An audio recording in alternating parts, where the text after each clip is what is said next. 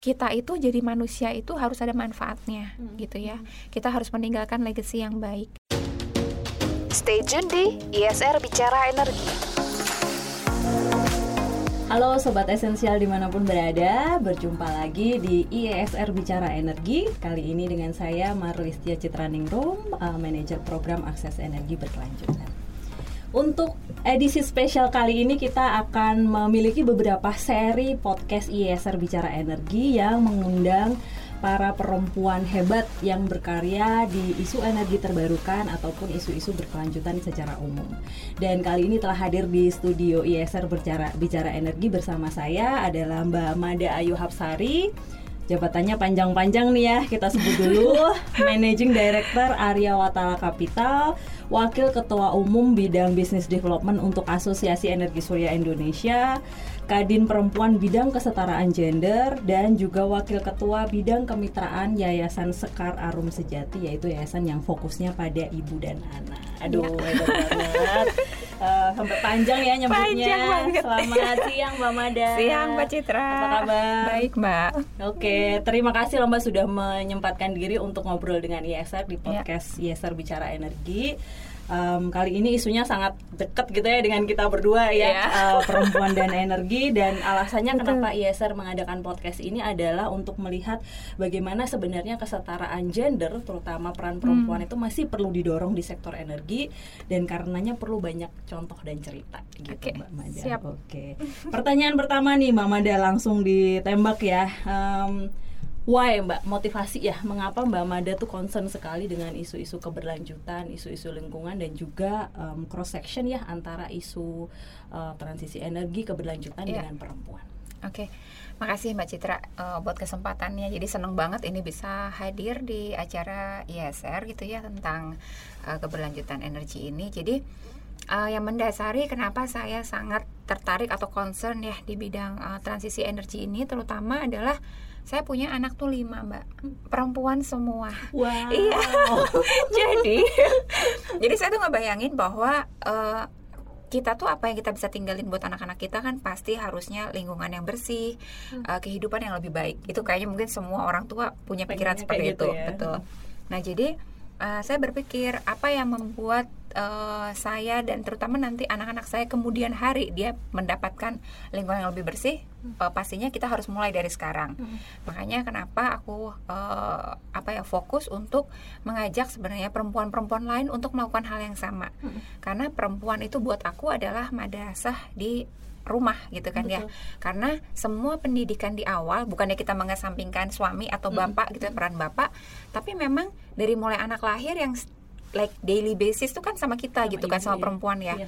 Dari ah ya pokoknya segala macam lah tetek bengeknya itu. Jadi apa yang dilakukan ibu mungkin anak-anak bisa mencontoh gitu loh. Hmm. Bukannya dia kalau sama bapaknya nggak bisa nyontoh, enggak. Cuman kan karena kita yang ada lebih dekat sama mereka, otomatis dia akan melihat gitu. Dan buat saya memberikan contoh langsung kepada anak-anak saya itu jauh lebih penting hmm. daripada uh, saya cuman apa ya kayak melihat dia terus kita nggak nggak do something ke kegiatan tersebut Berteori gitu. aja gitu. Iya gitu. Ya. Tapi kalau kita benar-benar involve apa segala macam, anak-anak tuh tahu bahwa oh ya mamahnya tuh begini. Nah, hmm. itu sebetulnya uh, tujuan awalnya. Itu yang satu dari sisi saya sebagai perempuan atau sebagai ibu.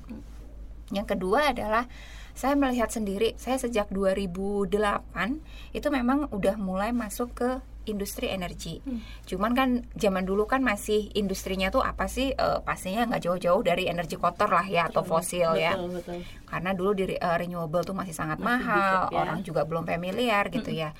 Nah, dulu tuh saya sempet tuh menyewakan genset gitu ya karena di remote island di Indonesia itu pasti solusi utama adalah genset paling gampang ya paling gampang kan di hmm. deploynya memang nah tapi uh, saya melihat di sana bahwa kendala untuk mengoperasikan genset itu juga nggak mudah hmm. karena Indonesia ini kan terdiri dari uh, ya kita ribuan pulau lah ya hmm. gitu ya untuk me mendeliver satu uh, equipment ke lokasi itu benar-benar uh, harus tahu kapan waktunya hmm. jadwal ombak ya seperti apa dan yeah, lain iya, sebagainya yeah, yeah, itu yeah. karena uh, kebetulan kan waktu itu aku jadi uh, PM kan PM hmm. project jadi uh, ngikutin bener lah kegiatan di sana itu satu terus yang kedua selain masalah uh, delivery maintenance tuh sulitnya minta ampun. Hmm. Jadi pada saat equipment itu ada shutdown, ada kerusakan dan lain sebagainya, itu ya udah nanti nunggu like another three months or four months gitu untuk ngedatengin barang lagi. Oke. Seperti itu. Nggak ada yang bisa mengganti di situ iya, ya, Mbak. ya? karena kan emang enggak mudah gitu ya. Terus transportasinya sulit dan memang juga ada beberapa equipment memang kita butuh waktu lebih lama Untuk untuk, delivery. mendelivery. Iya, Hmm. betul.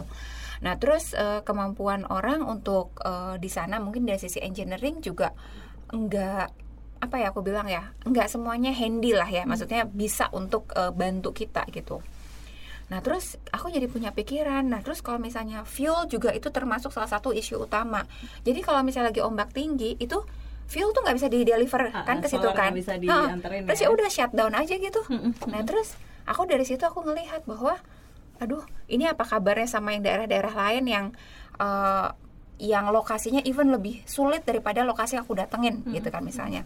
Jadi di 2010 eh, aku dan waktu itu eh, bersama teman gitu ya kita memulai memikirkan solusi lain yang lebih bersih, yang lebih mudah untuk ditransfer gitu ya, untuk di delivery gitu.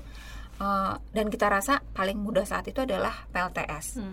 Walaupun memang belum skalanya yang besar, masih yang kecil-kecil karena memang kebutuhan uh, masyarakat kita untuk di daerah terpencil itu masih sebatas lampu Hmm, penerangan dulu. penerangan gitu ya. dulu. Jadi kita ngomongnya adalah pra apa pra elektrifikasi saat itu gitu ya.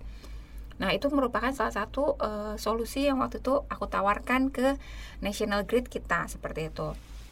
Terus eh, apa ya experience yang paling membekas yang eh, membuat saya memang benar-benar mau eh, terjun di bidang ini adalah eh, itu ya melihat langsung bagaimana kesulitan saudara-saudara kita Hmm. yang KTP-nya tuh sama sama kita, maksudnya neg- negara Indonesia, Indonesia, gitu Republik ya, Indonesia. Republik Indonesia.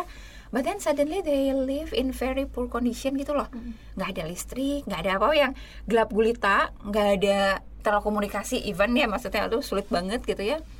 Jadi begitu waktu itu aku yang yang aku inget banget, aku mendarat di satu pulau, kita eh, di eh, kepulauan apa eh, Halmahera gitu ya.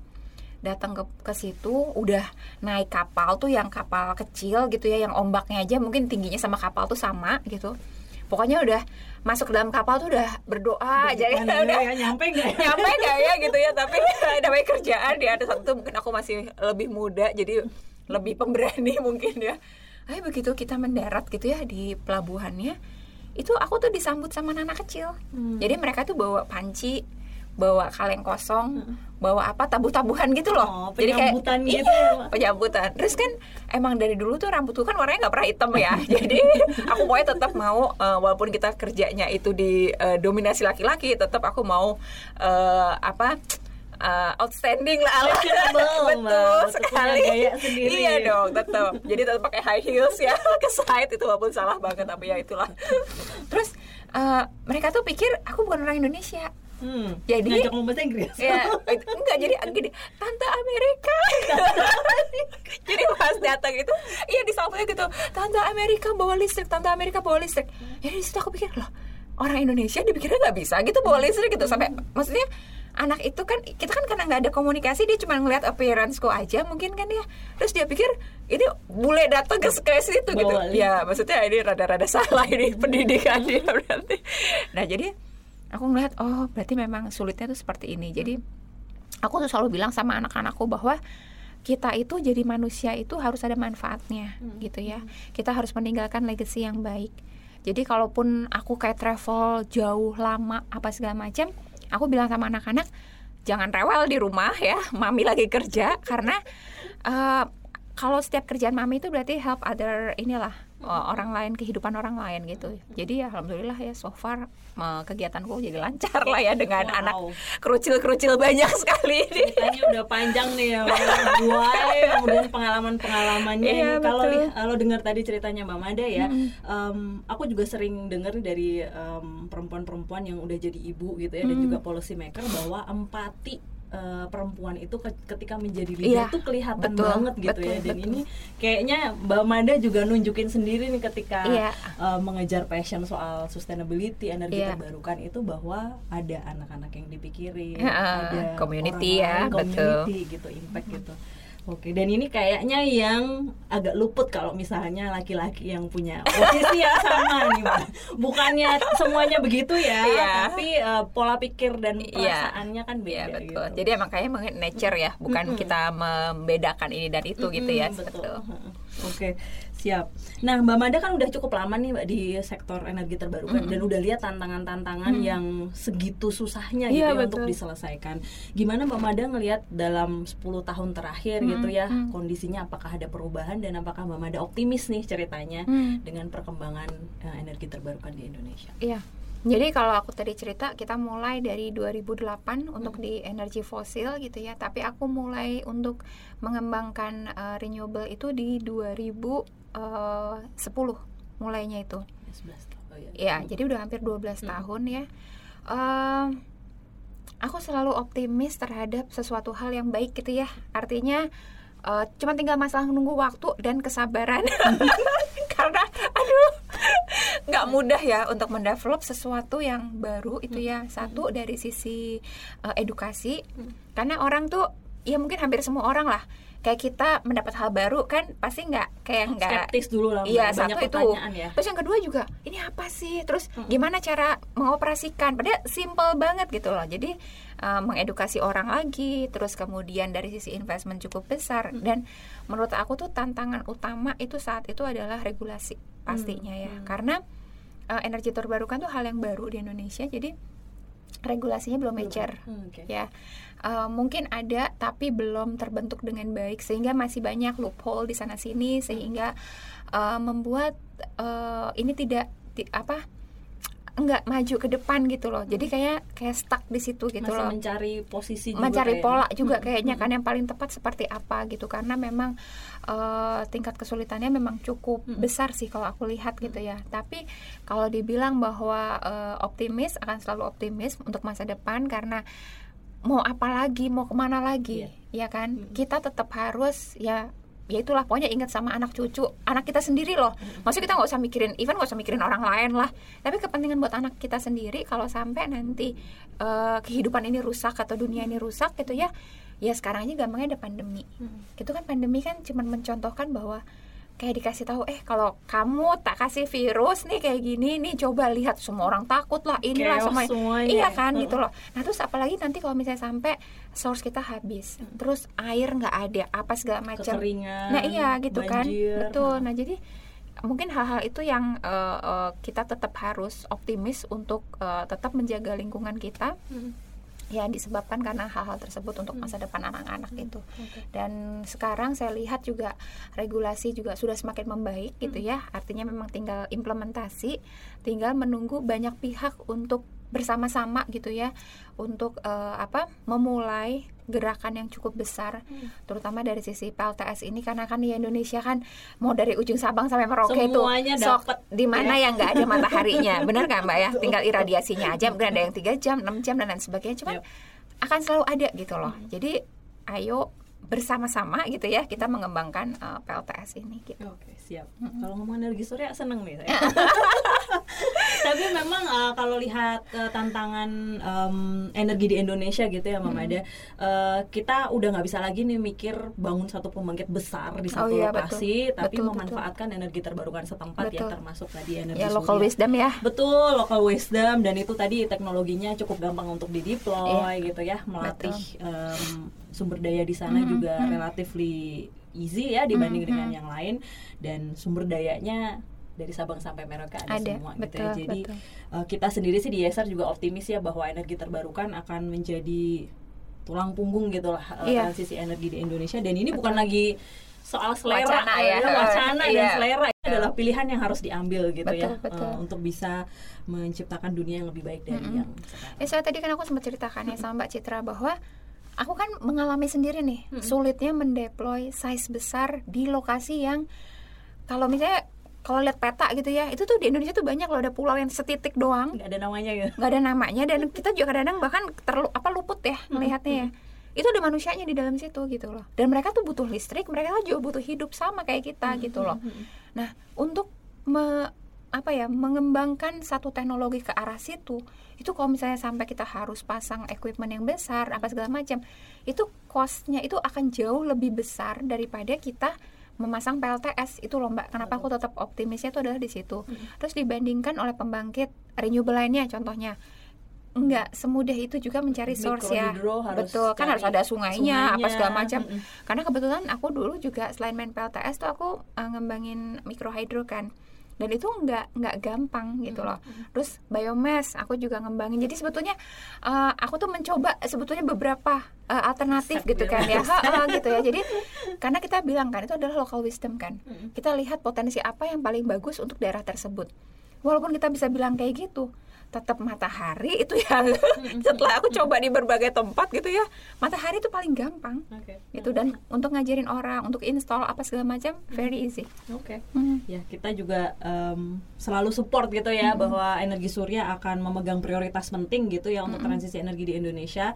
Dan khususnya nih kalau misalnya kita bicara target energi terbarukan Indonesia 23% di tahun 2025 yang sekarang baru sekitar 11,7 Dua apa? persen Iya. gitu ya kalau mau ngebut ya memang paling cepat adalah deploy PLTS gitu Iya, ya. betul, betul. Eh, dan jangka panjangnya untuk skala-skala besar juga bisa dilakukan tentunya melalui perencanaan dan em, perbaikan grid dan sebagainya dan regulasi yang mendukung gitu ya Mbak Mada.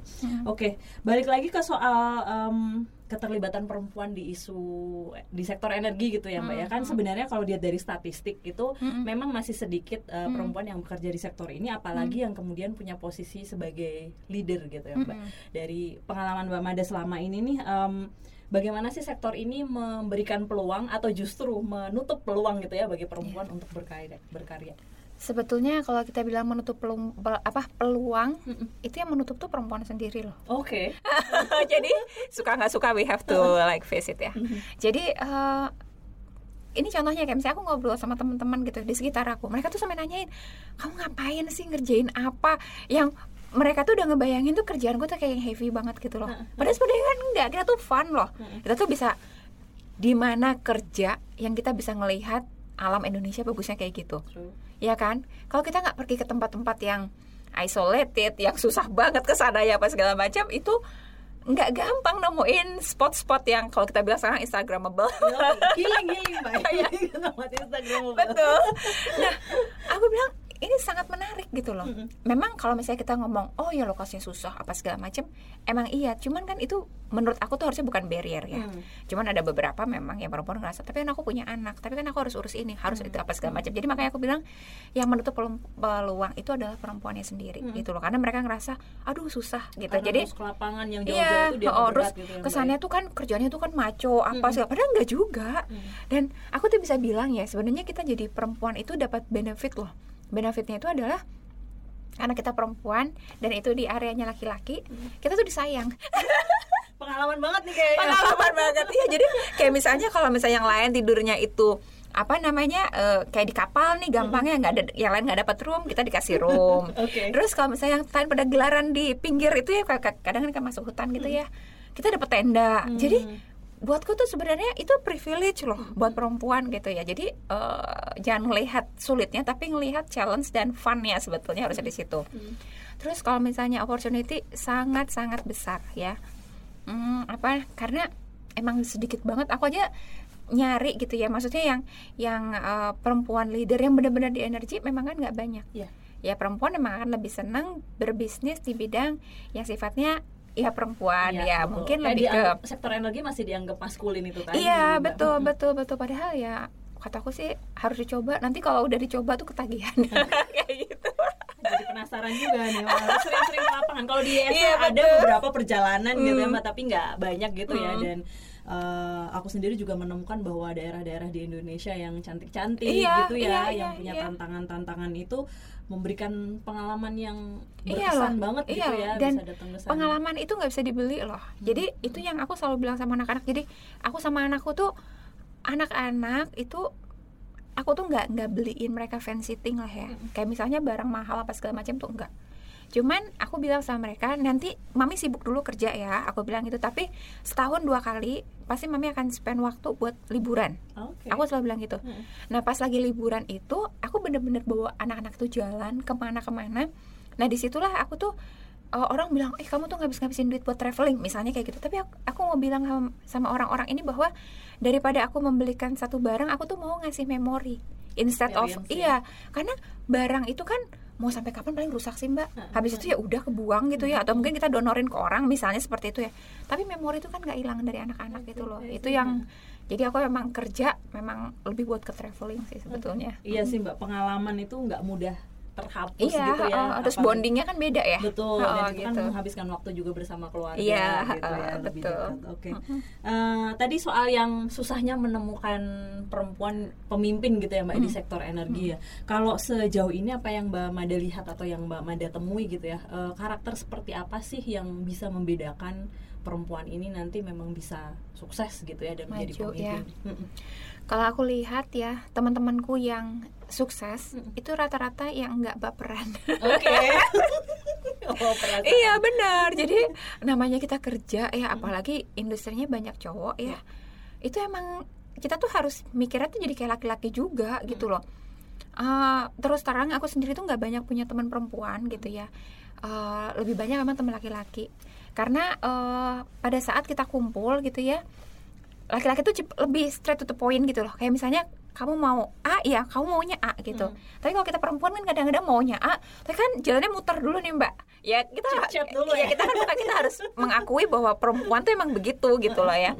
Terus nah jadi eh, di situ yang mungkin ya eh, aku lihat eh, apa ya teman-temanku yang memang rata-rata punya apa yang lebih maju gitu ya emang ya satu pasti tuh nggak baperan yang kedua mereka lebih mikir bahwa semua tuh ada ukurannya jadi mereka setting the goals gitu ya terus mereka ngasih tahu nih planningnya mapping Mm-mm. Jadi- mencapai ke sana itu. Ya, kan kita kan misalnya pengen pengen sesuatu tuh harus realistis. Kayak aku bilang, "Oh, aku hari ini pengen ngambil matahari." Kan kayak Lang banget ah, ya. ah, gitu loh. Tapi kan sesuatu kayak aku pengen ngambil jambu itu lebih realistis lah maksudnya kan. Terus, oh awalnya apa? Ya kita beli pohon jambunya dulu, kita tanamin terus kita pupuk yang bener, kita bisa panen gitu.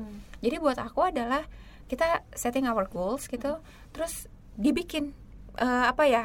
eh, roadnya itu loh apa ya? Eh, Jalan jalan, untuk menuju ke sananya, sananya, kan? oh, gitu. Terus kalau misalnya sampai fail di tengah jalan, ya jangan sedih.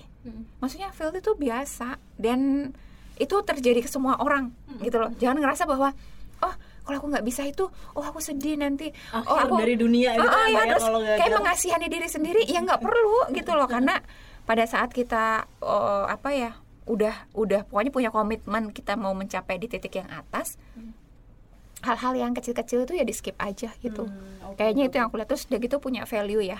Eh, jadi aku lihat nih teman-teman yang lain ya yang ini. Jadi mereka tahu tuh value apa yang mereka mau diambil dari kehidupannya dia gitu. Hmm, nah based on value itu dia nanti akan ngikutin terus tuh mbak. Hmm, jadi eh, dia kayak udah punya pegangannya dia sendiri gitu. Jadi itu yang yang aku lihat eh, membuat orang tersebut apa teguh atau tekun ya terhadap kegiatannya Oke. Oh, seperti Tadi itu bicara soal yang baper ini mungkin soal gaya komunikasi juga ya mbak ya. Kalau Mm-mm. laki-laki kan cenderung straightforward. Iya, terus ngomongnya kan gitu kadang sembarangan ya. Ah, ah, kalau ngomong ya menyinggung juga mereka omongin. Iya, gitu iya, ya, betul, jujur betul, gitu ya. betul. Sementara perempuan ada kecenderungan untuk me, karena empati tadi sih kayak Iya, jadi kayak lebih sungkan, lebih apa gitu. tidak Mm. melukai perasaan gitu ya. Padahal dalam dunia profesional sering kali yang dibutuhkan adalah Iya, straightforward iya, tadi iya. ya. Iya, kalau buat aku tuh, aku ditegur, aku tuh sampai ngomong loh sama kolegaku gitu.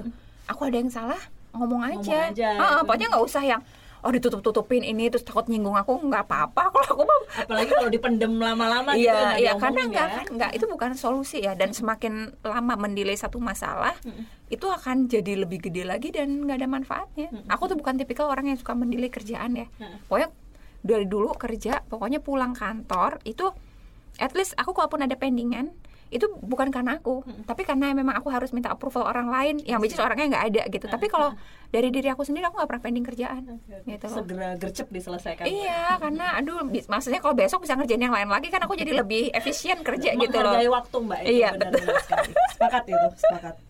Oke, eh, Mbak Mada, jadi tadi kalau boleh highlight sedikit ya eh, empat karakter yang dilihat Hmm. Mbak Mada dari uh, perempuan yang bisa menjadi pemimpin atau break the glass ceiling gitu ya Mm-mm. di sektor energi adalah kemampuan komunikasi ya Iya, yang secara itu penting profesional banget. bisa menyesuaikan. Kemudian yang kedua dia punya goal dan Iya. punya cara untuk mencapai goalnya. Habis itu berikutnya adalah em, punya value ya, punya value apa sih yang ingin diperjuangkan? Iya. Mungkin beyond financial means ya kalau aku boleh bilang ya. Oh iya, value ini kan pasti sesuatu yang impactful Iya, gitu ya. betul, Eh, betul. nilai-nilai yang ingin dibawa dari baik itu secara personal maupun untuk kepada orang lain gitu Iya ya. iya benar. Sama yang satu lagi tadi apa ya? Deh kayaknya itu ya. oh, jangan takut gagal. Ah, ya, Oh, iya, jangan jangan, takut takut gagal. gagal, gitu. betul. Ini mungkin personalnya aku mau bilang aku tuh eh, karena rada perfeksionis ya. Jadi Nah. kalau menemui satu titik gagal tuh rasanya aduh, kok bisa sih gitu ya. Kalau itu kayak masalah umur nantinya. Karena aku dulu kayak gitu. Jadi Apakah nanti akan berubah, Mbak? iya iya benar. Ah, jadi aku aku tuh aku perfeksionis. Mm-mm. Jadi bahkan mungkin cenderung kayak OCD gitu. Oke. Heeh, jadi kayak di rumah tuh ya kalau misalnya sebelum tidur kalau kayak di meja makan itu sendok garpu nggak lengkap aku nggak bisa tidur tuh tak cari dulu sendok garpunya sampai aku harus nemu gitu tapi lama kelamaan itu melelahkan ya dan terus buat apa kan nggak ada gunanya Nggak ada gitu kan ya nah jadi hal-hal kecil itu aku mulai mengurangi ke perfeksionisanku Mm-mm. karena pada saat kita eh, nanti punya suami punya anak apa segala macam itu akan jauh-jauh lebih ya itu yang bikin aku akhirnya oh ya udah nih kalau misalnya gue tetap perfeksionis yang gila tuh kita gitu jadi ya itu akhirnya aku mengurangi yang nggak penting nggak usah lah terlalu Iya, di iya, bawah iya, pikiran dan iya. hati gitu ya karena ya. karena buat orang perfeksionis itu satu kali failed itu kita tuh kayak kok gue bisa kok Oh, bodoh kayak banget the ya? end of the world iya kayak misalnya kok kok nggak bisa ya? Heeh. kok ini ya? Kok itu? Jadi kayak kita mempertanyakan diri kita sendiri padahal kata orang lain juga nggak kenapa kenapa Terus gitu. insecure-nya tuh jadi Iya lama betul betul. gitu. Heeh, makanya itu kita baper. I think I have to learn to let go. Iya iya benar-benar let go itu adalah penting banget. Loh aku tuh sampai konsul ya konsul ke ada psikolog gitu ya dan dia tuh bilang ya gitu memang ada beberapa hal ada yang kita perlu hold ada yang di let go. Mm-mm. ya itu mungkin setelah itu aku jadi lebih hidupnya lebih santai gitu ya. Jadi kayak kayak padahal kan kalau misalnya dulu misalnya ada yang gagal tuh wah dunia tuh runtuh padahal bener-bener ya ada kayak gitu. Jadi ya jadi eh, konsul sama orang lain yang punya eh, apa punya keahliannya itu emang beda sih. Daripada kita tuh aku bukan orang yang tipikal suka curhat ya. Hmm. tapi aku cuma curhat orang-orang yang memang aku rasa benar-benar dia bukan orang yang judgmental Hmm. gitu loh. Jadi tapi kalau orang yang kayak model nyinyir aku nggak mau curhat. Karena akan Males banget oh, ya. oh jadi panjang terus mungkin juga wah ke mana-mana. Tapi kalau orang yang memang punya eh, apa ya orang kan beberapa orang emang kayaknya eh, gifted buat diajak ngomong tuh enak bisa ngertiin. Nah mungkin aku pergi ke situ tapi aku juga pergi ke ahli supaya aku tahu bahwa apa yang perlu aku lakuin dan yang nggak perlu aku lakuin betul betul getting the help is important Iya, iya, iya, pada betul. satu titik eh, kadang mungkin katanya perempuan itu kuat bisa melakukan segala sesuatu yang jadi enggak. merasa merasa nggak perlu bantuan siapa-siapa iya, iya, gitu iya, ya iya. dan Padahal- mungkin kayak malu ya kalau aku sih suka lihat tuh bahwa orang tuh malu pergi konseling Hmm. karena kayak pandangan orang lain bahwa kalau lo konseling lo sakit jiwa. Padahal kan ya gak gitu. Lu depresi yang gitu iya iya iya iya. Padahal kan enggak Yes, enggak yes. gitu loh. Jadi kadang-kadang memang kita tuh butuh butuh eh, orang itu bahwa kalau kita salah kita dibilang salah gitu karena mungkin kan kalau keluarga teman kadang-kadang saking sayangnya subjektif ya Fel. Heeh, saking sayangnya bahkan malah oh nggak apa-apa lah nggak apa-apa padahal kita tuh salah gitu itu kan nggak bener ya malah kita menjerumuskan lebih dalam Yes, gitu loh yes. nah itu yang aku lihat kalau kita konsul sama yang ahli gitu ini penting juga ini professional help eh, Iya, iya, ketika kita betul. memang tahu ya kita membutuhkan Iya, iya, iya. apa bantuan dan untuk eh, perempuan sendiri eh, ya gitulah suka ada stigma ya eh, Iya. kamu terlalu baper atau terlalu mikir gitu ya sampai perlu professional help. Padahal untuk semua gender Iya. tidak terkecuali iya. it's important dan aku lihat tuh ya kayak mental awareness ini penting ya Mm-mm. karena dunia semakin ke sini kom- kompetisi kita tuh udah beda kan ya. Dibanding mungkin kayak aku ingat loh aku dulu kecil tuh kayak kita tuh pokoknya pulang ke rumah ganti baju kabur aja sama teman-teman main apa ya segala macam. Terus kita naik pohon lah apa. Anak-anak sekarang nggak ada yang kayak gitu. Terus kayak kayak hidup tuh lebih santai lebih apa gitu ya. Terus peer to peer pressure-nya juga sekarang Gede jauh banget. lebih tinggi gitu. Kayak misalnya oh aku bisa beli barang ini kok kamu nggak bisa beli ya? Ya misalnya kayak gitu. Padahal kan ya biarin sih gitu ya apalagi harusnya ya. media sosial gitu Ah, tempat orang bisa pamer itu, gitu. itu, itu banget gitu. Dan orang tuh makanya tadi aku sempet cerita aku bercanda tuh ya. Pokoknya kalau kita kelihatan biasa bisa kayak ngepet gitu ya. Karena orang itu berpikir apa yang dilihat di media sosialnya gitu loh. Adalah kehidupan sebenarnya. Padahal kan dia enggak. Apa apa mereka ngelihat kalau di belakang tuh kita tuh jungkir balik sampai nangis darah apa segala macam kan nggak ada yang tahu. Pokoknya kalau di depan kamera ya namanya kan kita kelihatan terlalu happy. benar benar benar. Kan kayak gitu. tapi Instagramnya Mbak Mada nih inspiration loh. Bisa lihat um, diarinya ya diari perjalanannya.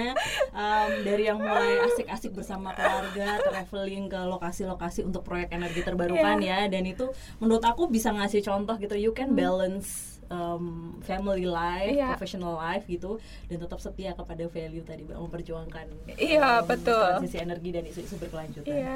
Alright Mbak, Eh, pertanyaan terakhir nih buat Mbak Mada ya For aspiring woman out there nih buat teman-teman Sobat Esensial ya Yang perempuan-perempuan khususnya ingin berkarya, berkarir mendalami sektor energi terbarukan dan isu berkelanjutan Mm. Gimana Mbak, apakah harus mulai dengan sesuatu?